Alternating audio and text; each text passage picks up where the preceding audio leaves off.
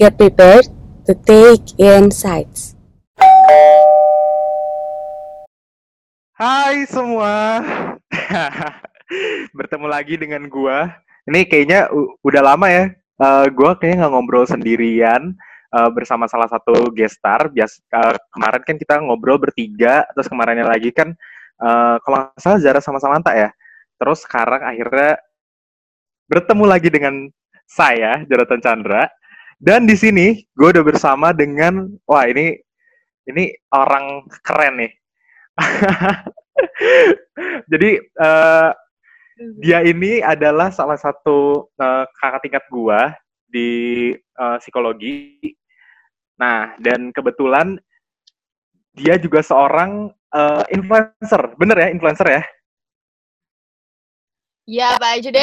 Iya, apa aja deh. Kalau udah terkenal bebas soalnya. Enggak lah, nah, gitu gila. Kenalin deh, uh, mungkin nama terus kesibukannya sekarang tuh apa sih? Terus lu S apa sih sebenarnya? Kak, lo manggil pendengar lo apa sih? Ada panggilannya gitu nggak? Aduh, nggak ada, belum ada. Lu ada oh, ide nggak? Biasanya kayak ada panggilannya gitu kan? oh, iya, iya. Ya, belum ya. ada tuh. Halo semuanya yang lagi mendengar, nama gue Nata. Gue di sini sebenarnya lebih ke kontennya beauty sih. Mungkin lebih enaknya konten creator aja kali ya. Saya kalau influencer kayak orang-orang yang udah menginfluence gitu kan. gue gak sepede itu sih untuk takut aja gue untuk memanggil diri gue sebagai influencer. Jadi gue biasanya kayak uh, content creator aja, tapi gue bidang beauty kebanyakan sama fashion. Wih gitu. Jadi gituin dong. Tepuk tangan dong tepuk tangan dulu tepuk tangan. Nah terus kerjaan uh, gue hmm? apa? Iya kerjaan gue sehari-hari kuliah kerja udah gitu aja. Kuliah Ketemu kerja ya. Ah nggak gitu aja dong. Soalnya kalau dari kalau kita lihat dari story-nya sih wah sibuk banget sih.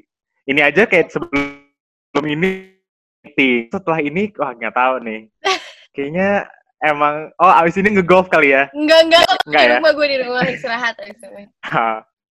Oke, okay, jadi um, kita mau ngobrolin tentang hate comment nih sebenarnya uh, pada hari ini. Dan kenapa akhirnya gue memilih uh, Kanata sendiri nih? Karena kebetulan kita pernah satu kelompok satu mata kuliah ya. Iya, jadi gue tuh lumayan banyak yang suka nggak lulus gitu. Jadi gue jadi gue memperbanyak teman gitu seperti Jo Chan, betul, betul. Untungnya kita satu kita nggak usah nggak nggak usah lihat nggak usah lihat belakangnya kita lihat aja akhirnya kita bisa ketemu. Akhirnya lu bisa iya. share ini kan? Benar-benar dong.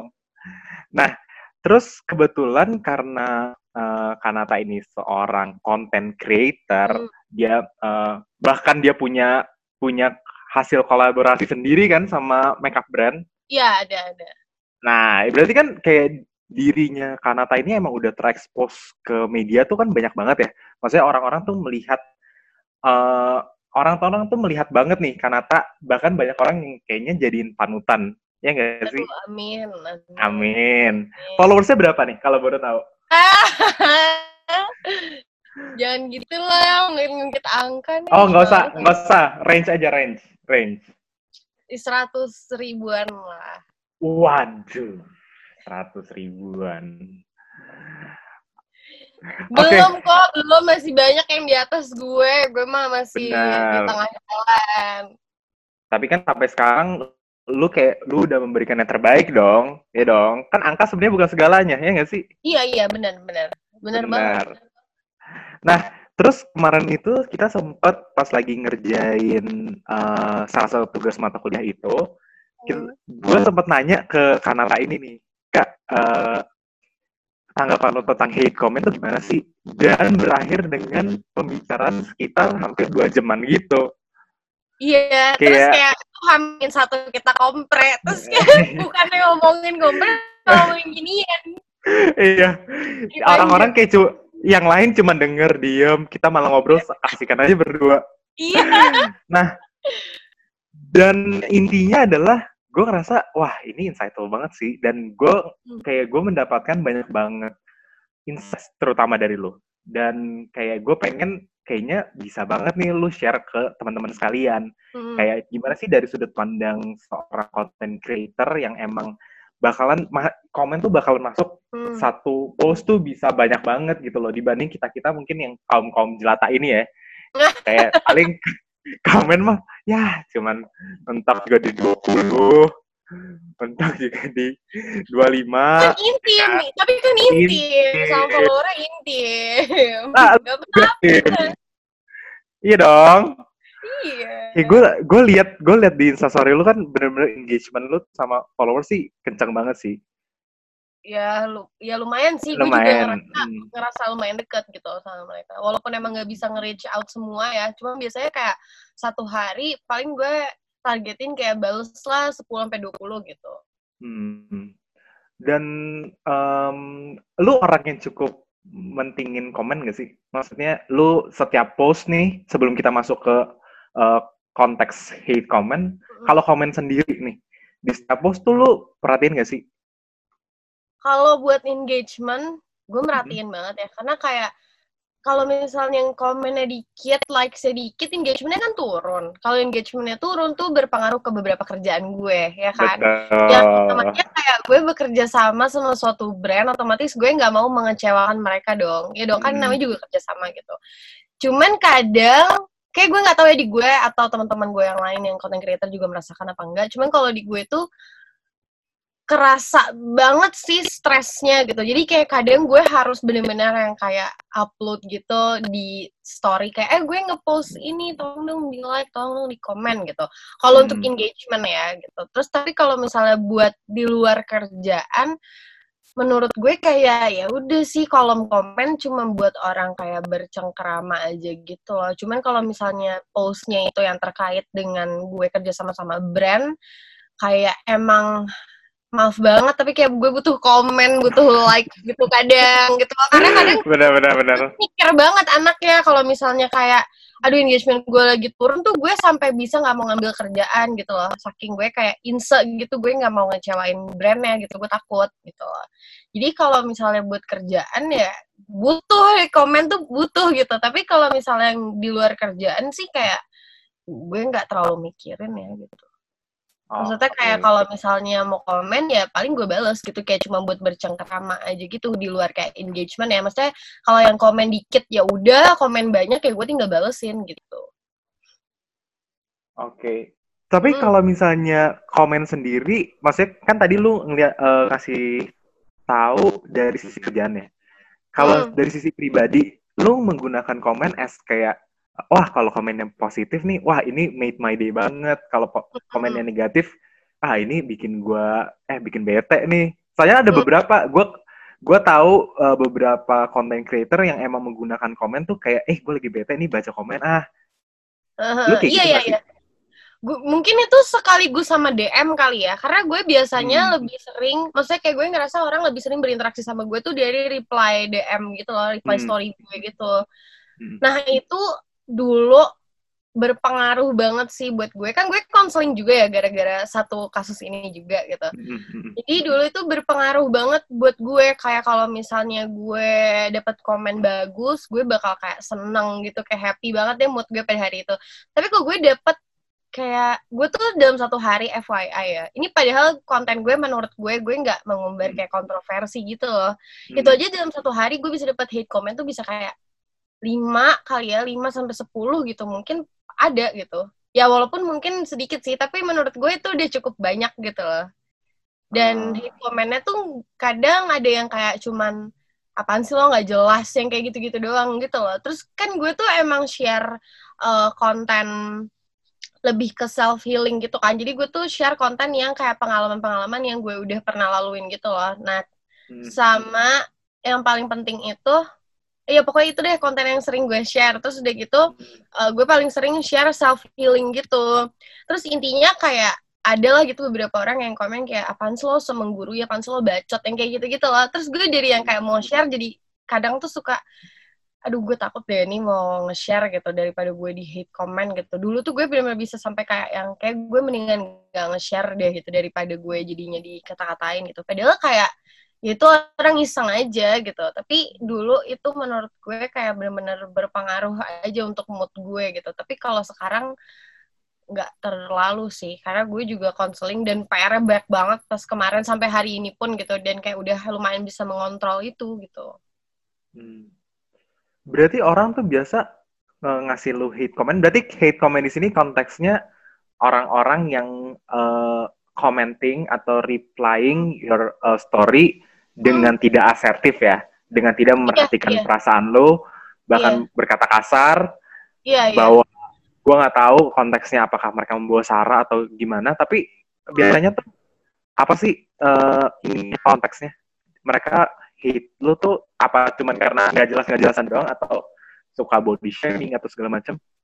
Hmm, body shaming tuh kayak udah makanan sehari-hari gue deh sampai gue udah kayak yang kayak ada hah gitu. Body shaming pernah, terus kayak nggak jelas nggak jelas gitu juga pernah. Tapi kalau di page gue lebih sering kayaknya orang ngatainnya kayak ngatain yang nggak penting gitu ngehitnya. Kayak misalnya gue typo gitu, terus kayak atau gue ngomong belibet gitu. Soalnya kan gue ekspresif, tapi gue tuh susah untuk menemukan kata-kata yang mau gue rangkai gitu loh, ngerti sih? Ya kan? Nah, gue tuh Ya udah gitu ada di pikiran tapi kayak su- keluarnya iya, tuh susah. susah. Iya, itu tuh gue kayak Hmm, gitu. hmm, Jadi gue kadang kalau nge-review atau apa tuh suka belibet gitu, lumayan muter-muter gitu. Nah, kadang Ah. tuh kayak ada orang-orang yang kayak bacot deh lo muter-muter ngomongnya kayak gitu-gitu. Cuma kalau untuk body shaming sendiri tuh kayak sering banget, apalagi gue itu cepet cepet kurus, cepet gemuk juga gitu kan.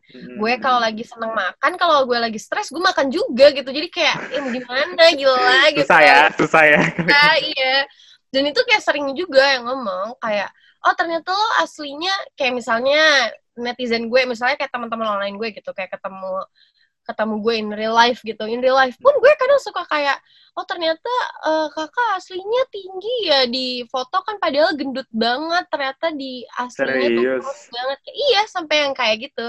Sampai yang kayak kadang pernah eh waktu itu pernah udah lama banget sih kayak berapa tahun yang lalu gue pernah dari kayak dulu tuh gue kurus banget Jo dulu tuh gue kayak 45 kilo doang kebayangkan lo dengan tinggi Empat gue lima. Dengan Gue tingginya masih 24. sama kayak gini.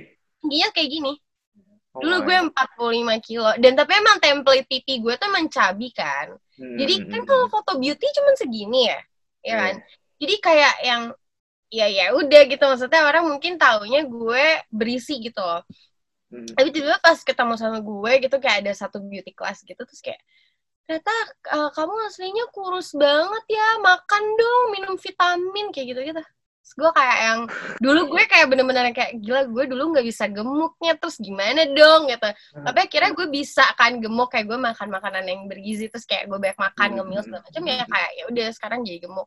Tapi kalau gue sendiri pun nggak mempermasalahkan gitu loh. Cuman gue tahu Hmm. batasannya kayak misalnya eh, gue kan ada asma. Jadi gue otomatis nggak bisa terlalu kayak berisi gitu dong Hmm, karena kalau hmm. enggak gue pasti sesek nih nafasnya jadi gue udah tahu kayak oh kalau gue udah kelebihan gue nggak bisa nih gue harus turunin lagi tapi demi kesehatan gue gitu nah itu kan yang teman-teman online nggak tahu ya dan nggak mau tahu gitu jadi Betul. kayak oh kurusan lo gendutan jadi gue sampai udah kayak Hmm. biasa aja gitu Dan lo pun juga nggak perlu kasih tahu gitu loh. Kayak, eh Iya. gue sakit ini loh, gue sakit itu iya loh. ngerti kan kayak Heeh. banyak hal yang kayak nggak nggak perlu gue kasih tahu karena emang gue nggak mau gitu karena kayak Hmm, gue nggak terlalu mau nge-share uh, private life gue gitu. Mungkin teman-teman gue Betul. yang lain kayak nge-share gitu. Tapi kalau gue ada batasannya lah gitu. Mana yang mau gue Betul. share, mana yang enggak gitu. Tapi menurut Gitu. lu kenapa sih mereka ngelakuin hal itu? Kayak soalnya kan kalau dari cerita lu, lu gemukan, mereka komen. Lu kurusan, mereka komen. Kayak apa yang lu lakukan, ya pasti akan ada komennya gitu. Menurut lu kenapa sih mereka ngelakuin itu gitu? Gue baru kayak tahu sekarang ya. Gue kan rutin konseling nih. Gue baru tahu Mhm. sekarang juga kalau maksudnya orang tuh kadang nge-komen untuk ada bandingan aja kayak oh gue masih lebih baik dari ini orang gitu. Ngerti gak sih? Eh, Jadi kayak kadang kalau orang komen, menurut gue, karena mereka juga ngerasa orang yang mereka komenin kayak ngerti gak sih? Kayak misalnya gue ngelihat siapa ya, taruhlah artis Hollywood siapa gitu. Terus tiba-tiba Ah. dia mukanya dari mulus, tiba-tiba jerawatan gitu misalnya gitu ya. iya. Terus ah. muka gue, kondisi muka gue misalnya lagi bersih gitu. Terus gue Hmm. kayak yang, hah jerawatan juga kan lo, padahal kan lo artis Hollywood gitu. Dan itu menurut gue kayak hal yang bikin orang-orang tuh jadi suka jadi suka komen kayak gitu karena kayak hmm. secara nggak langsung mereka bikin apa ya secara nggak langsung kayak naikin self esteem gitu loh. Kayak ha gue jadi Tapi dengan beda nurunin karena- orang lain. iya heeh. kayak gitu. Oh, Oke oke. kayak Jadi sekarang gue bener-bener baru ngerti gitu loh kayak oh ya kadang orang emang kayak gitu gitu ngapainnya gunanya. Oke. Walaupun orang-orang ini mungkin eh, pakai kata-kata quote and quote ya sekedar mengingatkan nih, yang kayak eh gue pengen ngingetin nih, Kayak- padahal bisa aja di belakangnya mungkin ya emang dia cuma sekedar ya semua orang pengen merasa di di atas kali ya, makanya Iya. kayak caranya kan cuma dua tuh kalau dia mau di atas antara antara dia naikin diri dia sendiri atau Hmm. nurunin yang lain. Dan yang Iya. paling gampang adalah yang nurunin yang lain kan. main gitu. Makanya Tapi kenapa gue tuh suka bawa suka bawa kayak topik apa namanya tentang diri sendiri gitu kan ya. Karena selama gue konseling kemarin tuh gue dapet insight banyak banget. Dan kayak gue tahu gitu loh ternyata orang-orang tuh memang banyak banget yang gak pede. Makanya jadinya lo tuh gampang untuk banding-bandingin hidup lo sama orang lain. Cara lo begitu cara orang lain melak gimana gitu loh. Kayak maksudnya makanya lo Hmm. jadi sering comparing gitu loh. Itu kayak gue dapet insight itu banget sih selama kemarin gitu. Jadi kayak gue maksudnya karena gue tahu yang follow gue ada banyak gitu jadi kayak ya Hmm. udah mendingan gue share gitu loh jadinya Iya, orang benar. seenggaknya kayak ngerti dan tahu gitu karena selama ini gue juga kaget sih kayak selama gue share itu orang-orang pada yang kayak oh ternyata gini ya oh ternyata gitu ya gue nggak tahu Hmm. betul gitu loh Hmm. kayak kaget aja kadang tapi, Tapi ya yang komen lu ini pakai account bodong gak atau pakai account mereka? Fake account lah gila Oh, Gue sih jarang sih nemu orang nge-hate pakai first account. Selalu pakai fake account. itu ngaruh juga kali ya, karena ada fake account mereka juga ya udah kayak di individuation aja karena mereka ada di publik, mereka anonymous, jadi kayak mereka mungkin merasa kayak oh ya udahlah kayak apa pun yang gue lakukan juga orang nggak bakal tahu. Cuman mereka nggak tahu gitu efeknya bisa sebesar itu gitu. Iya, iya, iya. Gue gue kan sempet emang mental breakdown juga kan beberapa waktu yang Hmm, lalu hmm. Pokoknya semenjak dari semester kemarin terus tambah covid gitu kan. Jadinya gue bener-bener Hmm. counseling yang deep banget gitu. Itu tuh gue bener-bener yang kayak ketika gue lagi mental breakdown kan gue nggak akan share ke Instagram ya kayak guys Betul. gue ini lagi stres gitu gue nggak nggak nggak nggak mungkin share gitu kan jadi kayak gue tetap kerja tetap yang kayak hai hai kayak gitu kayak ya fake smile sih ujungnya gitu dan itu pada saat gue lagi mental breakdown itu ada aja komen yang kayak hate comment tuh bener-bener jadi yang kayak nyakitin gue banget gitu loh. Dan di situ gue itu sempat banget kayak sebelum eh enggak ding sesudah sesudah expire. Pokoknya sesudah semua itu selesai sesudah semester main selesai itu gue tuh sempat turun sampai 3 kilo cuman karena Wow. gue balik lagi stres gara-gara jadi kayak pattern gue tuh udah kayak gini terus gara-gara gue masih mentingin Udah mentingin apa netizen gitu itu langsung kayak blek jatuh banget lebih jatuh daripada yang pertama lah. Jadinya gue sampai turun dan gue kayak nggak bisa show my feelings gitu ke first karena ya ada kerjaan di situ gitu dan gue nggak mau jadiin platform gue tuh kayak bikin orang tuh negatif juga gitu loh. Karena gue percaya Jo kalau misalnya kita ngelihat misalnya kita lagi bad day nih terus kita ngeliat instastory nih terus orang ngomel-ngomel itu secara nggak langsung tuh bikin kita kesel juga gitu loh. Iya iya. Iya Iya iya kan? Iya kan? Heeh. gue tuh nggak mau platform gue tuh jadi kayak gitu. Kayak gue tuh mau kayak Hmm. platform gue ya udah gue share yang positif dari gue nya aja gitu loh. Tapi ketika gue Benar-benar. lagi lagi kenapa-napa ya maaf gue nggak akan bisa share itu. Lebih baik gue diem aja dulu gitu loh. Atau enggak ya udah gue cuma selesaiin kerjaan-kerjaan gue gitu loh. Karena gue nggak mau jadi nambahin orang yang udah kesel jadi makin kesel ketika ngeliat post gue gitu kan tapi ya itu kan maksudnya kita nggak selamanya tahu ya kayak orang itu tuh lagi ngalamin apa. Tuh makanya kayak omongan sedikit apa pun tuh berpengaruh ya.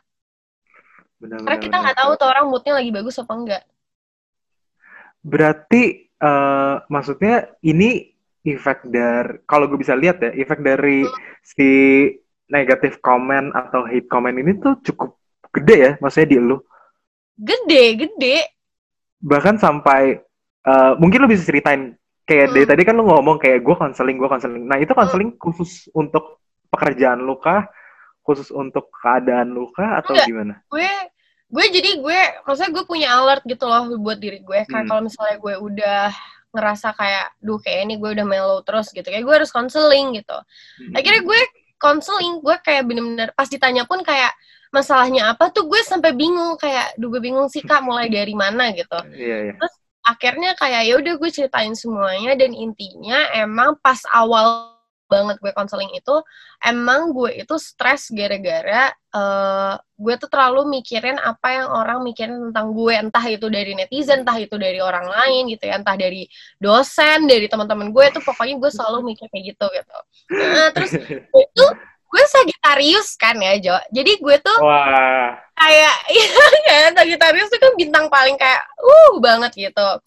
Gue tuh pengen ngebantu. Jadi kayak pas kemarin-kemarin tuh kayak gue pengen ngebantu beberapa orang tapi kapasitas gue lagi tidak mencukupi. Dan itu tuh jadi jadi kayak ngefek Toxic juga ke gue. Ha, jadinya gue mikir kayak ah gue nggak bisa bantuin orang gimana ya gimana ya kayak gitu. Terus tambah lagi netizen gitu loh kayak komennya tuh duar-duar-duar banget gitu apalagi kemarin gue tuh sempet eh, ngebantuin ini edukasi covid kan Hmm. dan kan emang kubunya tuh terbagi jadi banyak banget gitu ya nah jadinya Hmm. tuh gue dilempar sana sini kayak ah lo bonekanya pemerintah ah lo cuman influencer bayaran ah lo cuman ini padahal itu pure dari hati gue gue emang pengen Iya. ngebantu beberapa komunitas aja untuk menyalurkan edukasi yang memang harus di di blow up gitu loh. Hmm. tapi kayak kan banyak orang yang pro kontra gitu loh. Jadinya kayak wah semua ada deh di kepala gue. Jadinya kira gue pecah banget gitu loh. Gue bener-bener yang kayak oh gue nggak bisa. Akhirnya gue konseling dan emang eh, pada saat itu gue stres dan depresi gara-gara sosial media. Gila ya. Gue pun kaget gitu karena template gue tuh kan high banget gitu orangnya. Ah, kita memang sampai depresi emang sampai depresi kemarin gara-gara kayak gitu. Oh my. Ta- Gede berarti itu pure inisiatif lu kan? Maksudnya lu Iya, akhirnya iya. konseling dan segala macam. It's really good sih. Maksudnya eh, gua as eh, apa?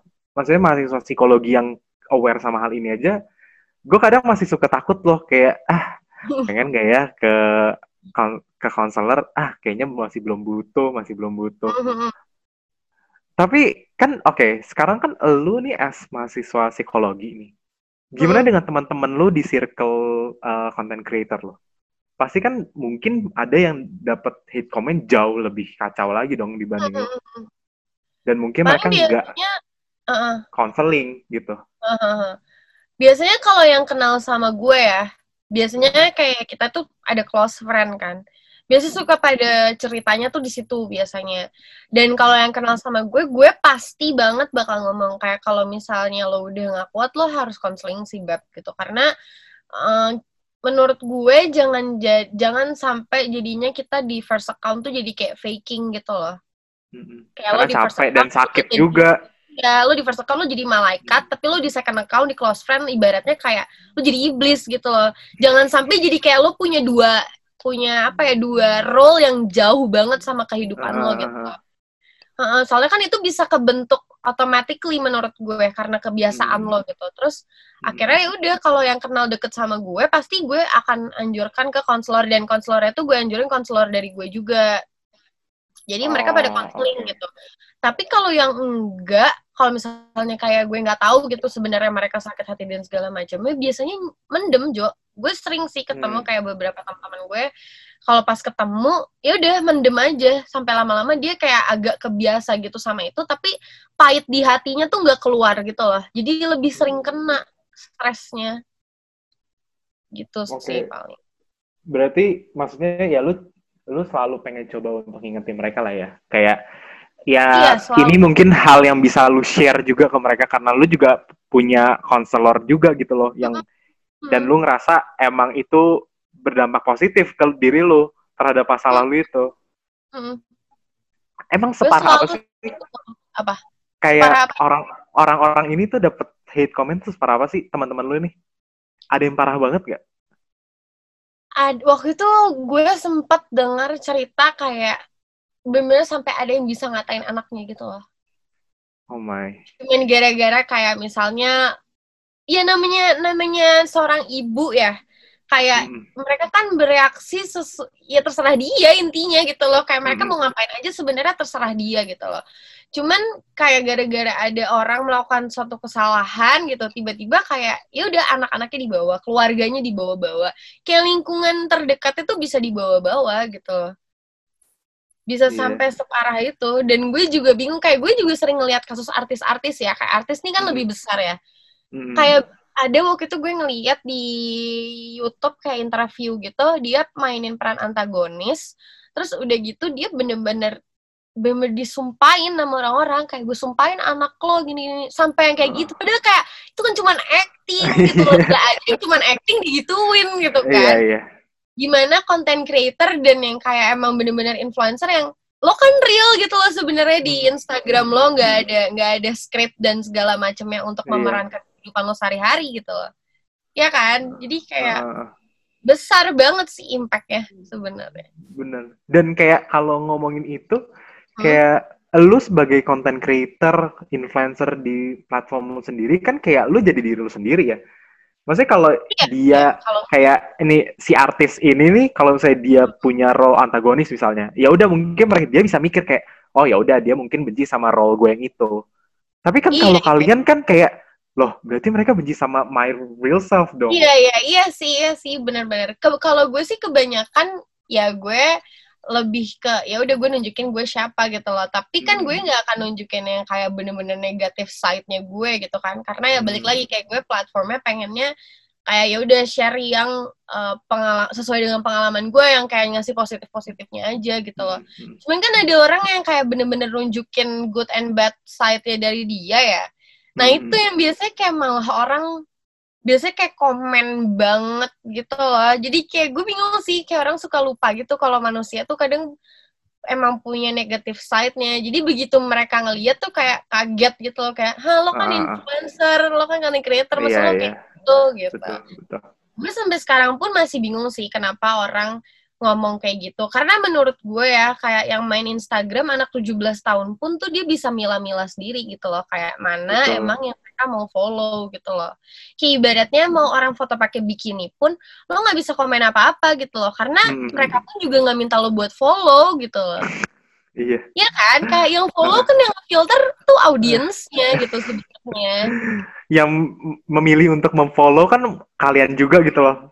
Iya kan? Apakah kalian memfollow gue untuk menghate gue? Itu kan agak-agak Iya. aneh juga ya. makanya itu yang bikin gue bingung karena iya kayak anak 17 tahun itu menurut gue udah bisa milih sih 17 ke atas kayak mana konten-konten yang pengen dia lihat gitu.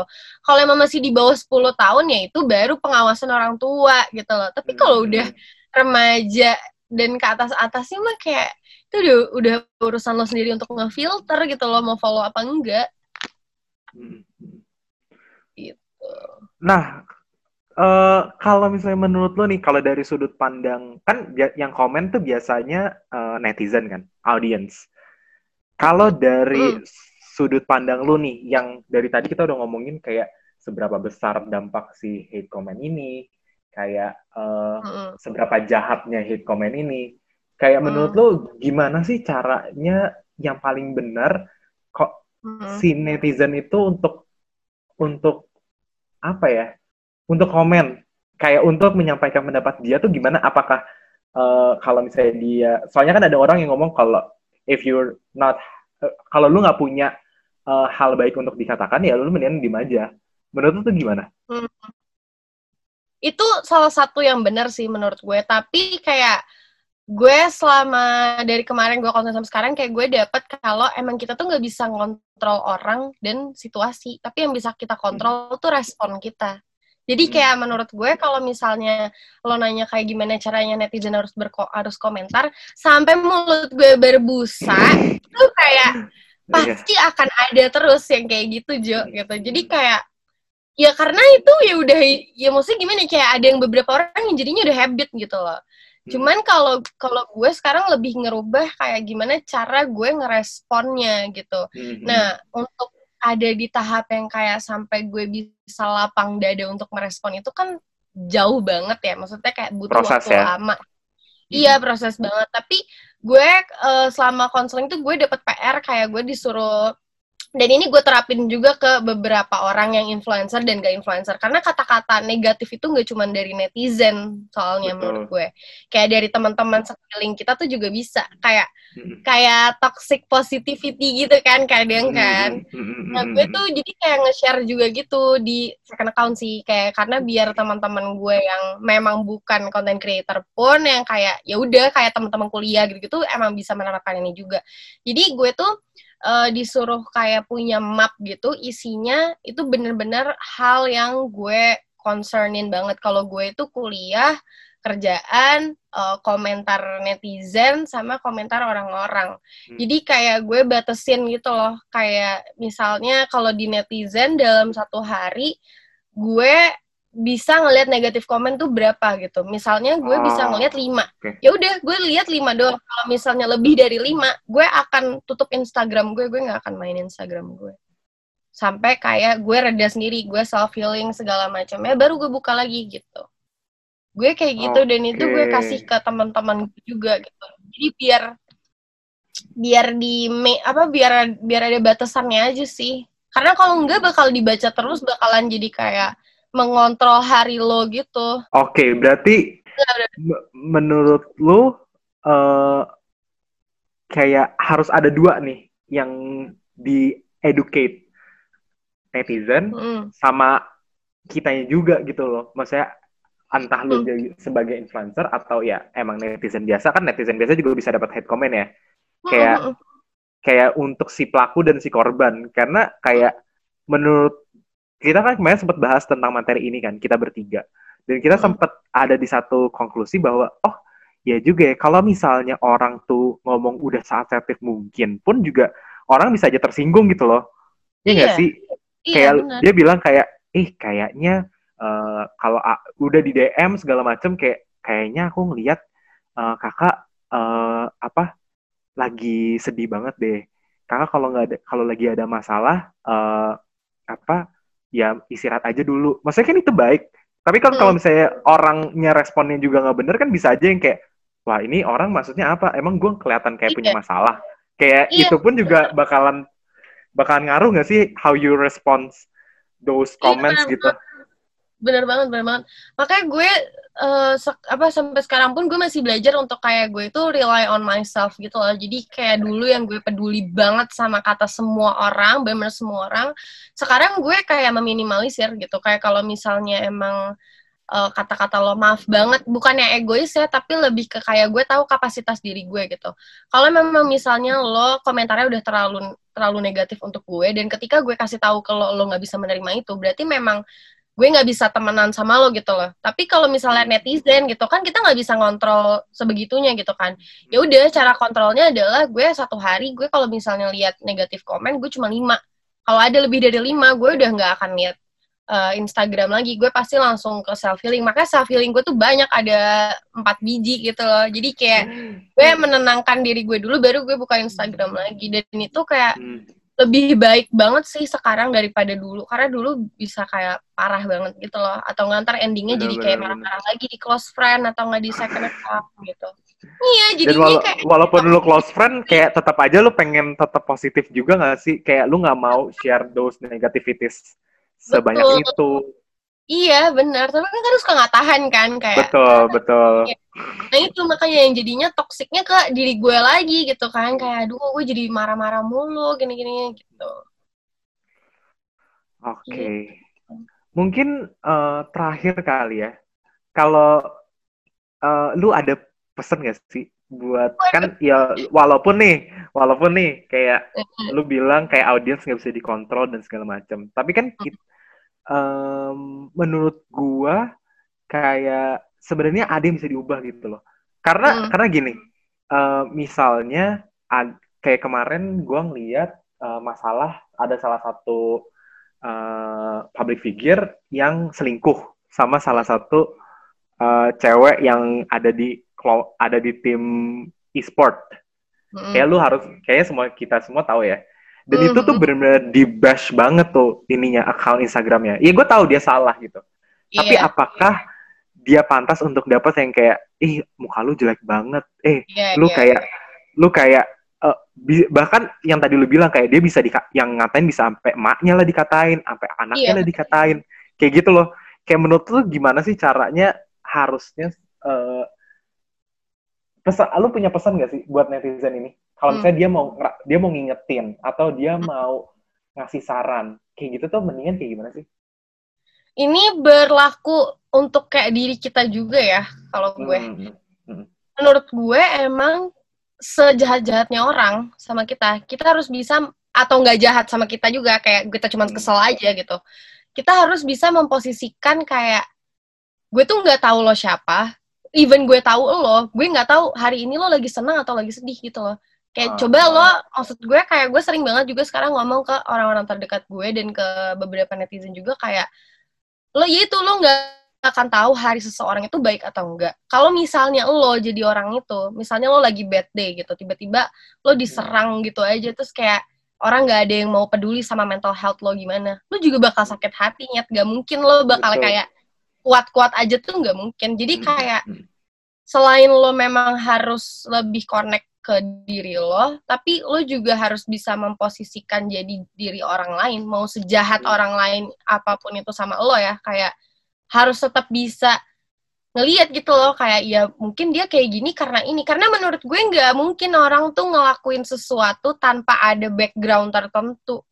Gue Betul. tuh menurut gue nggak mungkin orang cuman yang kayak hate comment iseng aja tanpa ada ada background di di da- apa ya di masa lalunya dia tuh nggak mungkin menurut gue kayak orang nggak mungkin segabut itu cuman pengen ngehit orang tuh nggak mungkin menurut gue Iya. jadi kayak gue sekarang ada di posisi di mana kayak bahkan orang yang dulu bermasalah sama gue pun ini in general jadinya bermasalah sama Hmm. gue pun tuh gue jadi mikir kayak oh iya dulu backgroundnya dia kayak gini makanya mungkin dia sekarang jadi kayak gini. Justru gue yang jadinya empati sama tuh orang kayak justru gue yang harusnya lebih lebih enak gitu. Maksudnya kayak gue lebih bisa percaya sama diri gue sendiri dan segala macamnya. Harusnya gue nggak bisa kena impact dari apa yang dia omongin ke gue gitu. Betul, harusnya gue yang sedih buat lo gitu. Harusnya lo yang gue rangkul gitu bukannya gue yang terinjak karena lo gitu.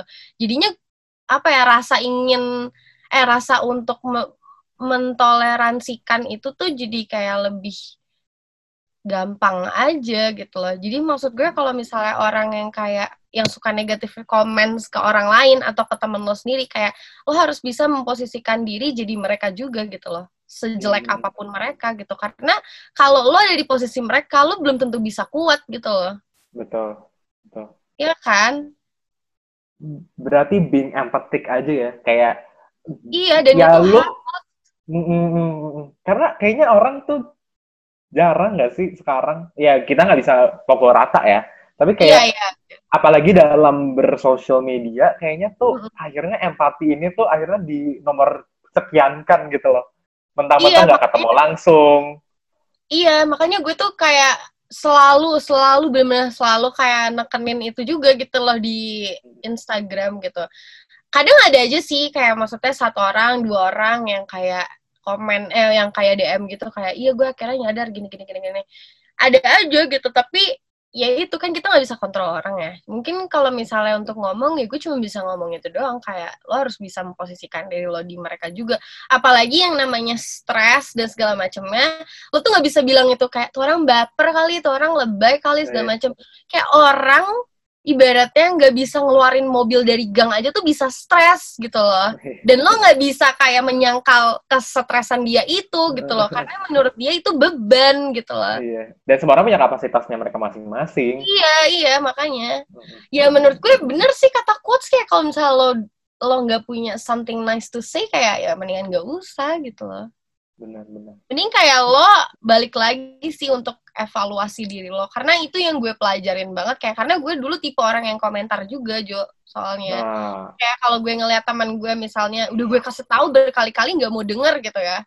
Pasti gue tuh kesel. Kayak lo kenapa sih nggak mau dengerin gue? Bla bla tapi gue belajar sekarang kayak ya orang berubah itu gak kadang ada yang nggak butuh kita juga gitu loh. Kayak kita juga nggak butuh ngerubah orang. Jadi ya ya udah gitu yang lo bisa pentingin adalah diri lo sendiri kalau misalnya lo udah pentingin diri lo sendiri menurut gue itu automatically keluar gitu loh lo bakal empati sama orang lain Hmm, hmm, hmm.